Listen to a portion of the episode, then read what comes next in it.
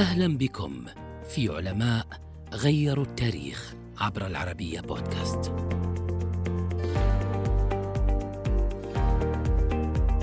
عرف بعبقريته وطيبته وتواضعه للناس ولقب بأبي الوراثة العربية البروفيسور والطبيب والعالم الفلسطيني أحمد الطيبي ولد في العام 1949 أنهى تعليمه الثانوي في مدارس الكويت وأظهر نبوغا في الشعر والرسم ولكنه نزل على رغبة أبيه في دراسة الطب فدرس هذا التخصص في جامعة القاهرة.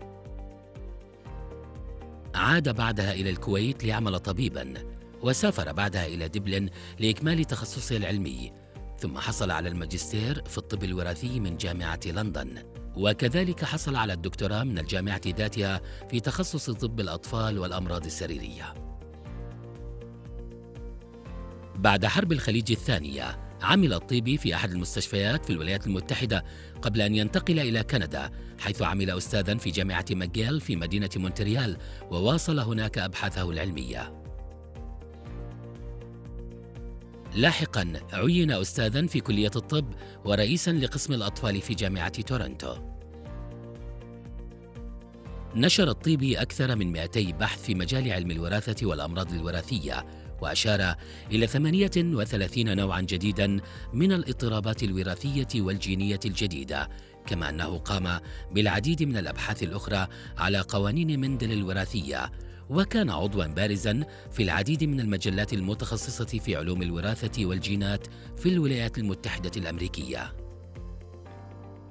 عمل البروفيسور أحمد الطيبي 30 عاما في تأسيس علم الوراثة العربي وتركزت أبحاثه على الاضطرابات الوراثية عند الأطفال العرب وألف كتابا عن الاضطرابات الجينية بين الشعوب العربية ونشر هذا الكتاب عام 1997 عن مطبعة جامعة إكسفورد نالت أبحاث الطيب غير المسبوقة جوائز عدة منها جائزة مؤسسة الكويت للتقدم العلمي.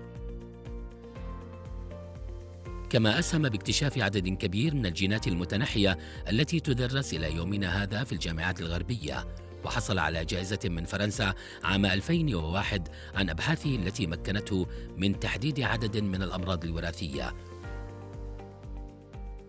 ومنح عضوية الأكاديمية الأوروبية للعلوم تقديرا لجهوده الطبيه توفي عام 2010 بعد معاناة طويلة مع المرض.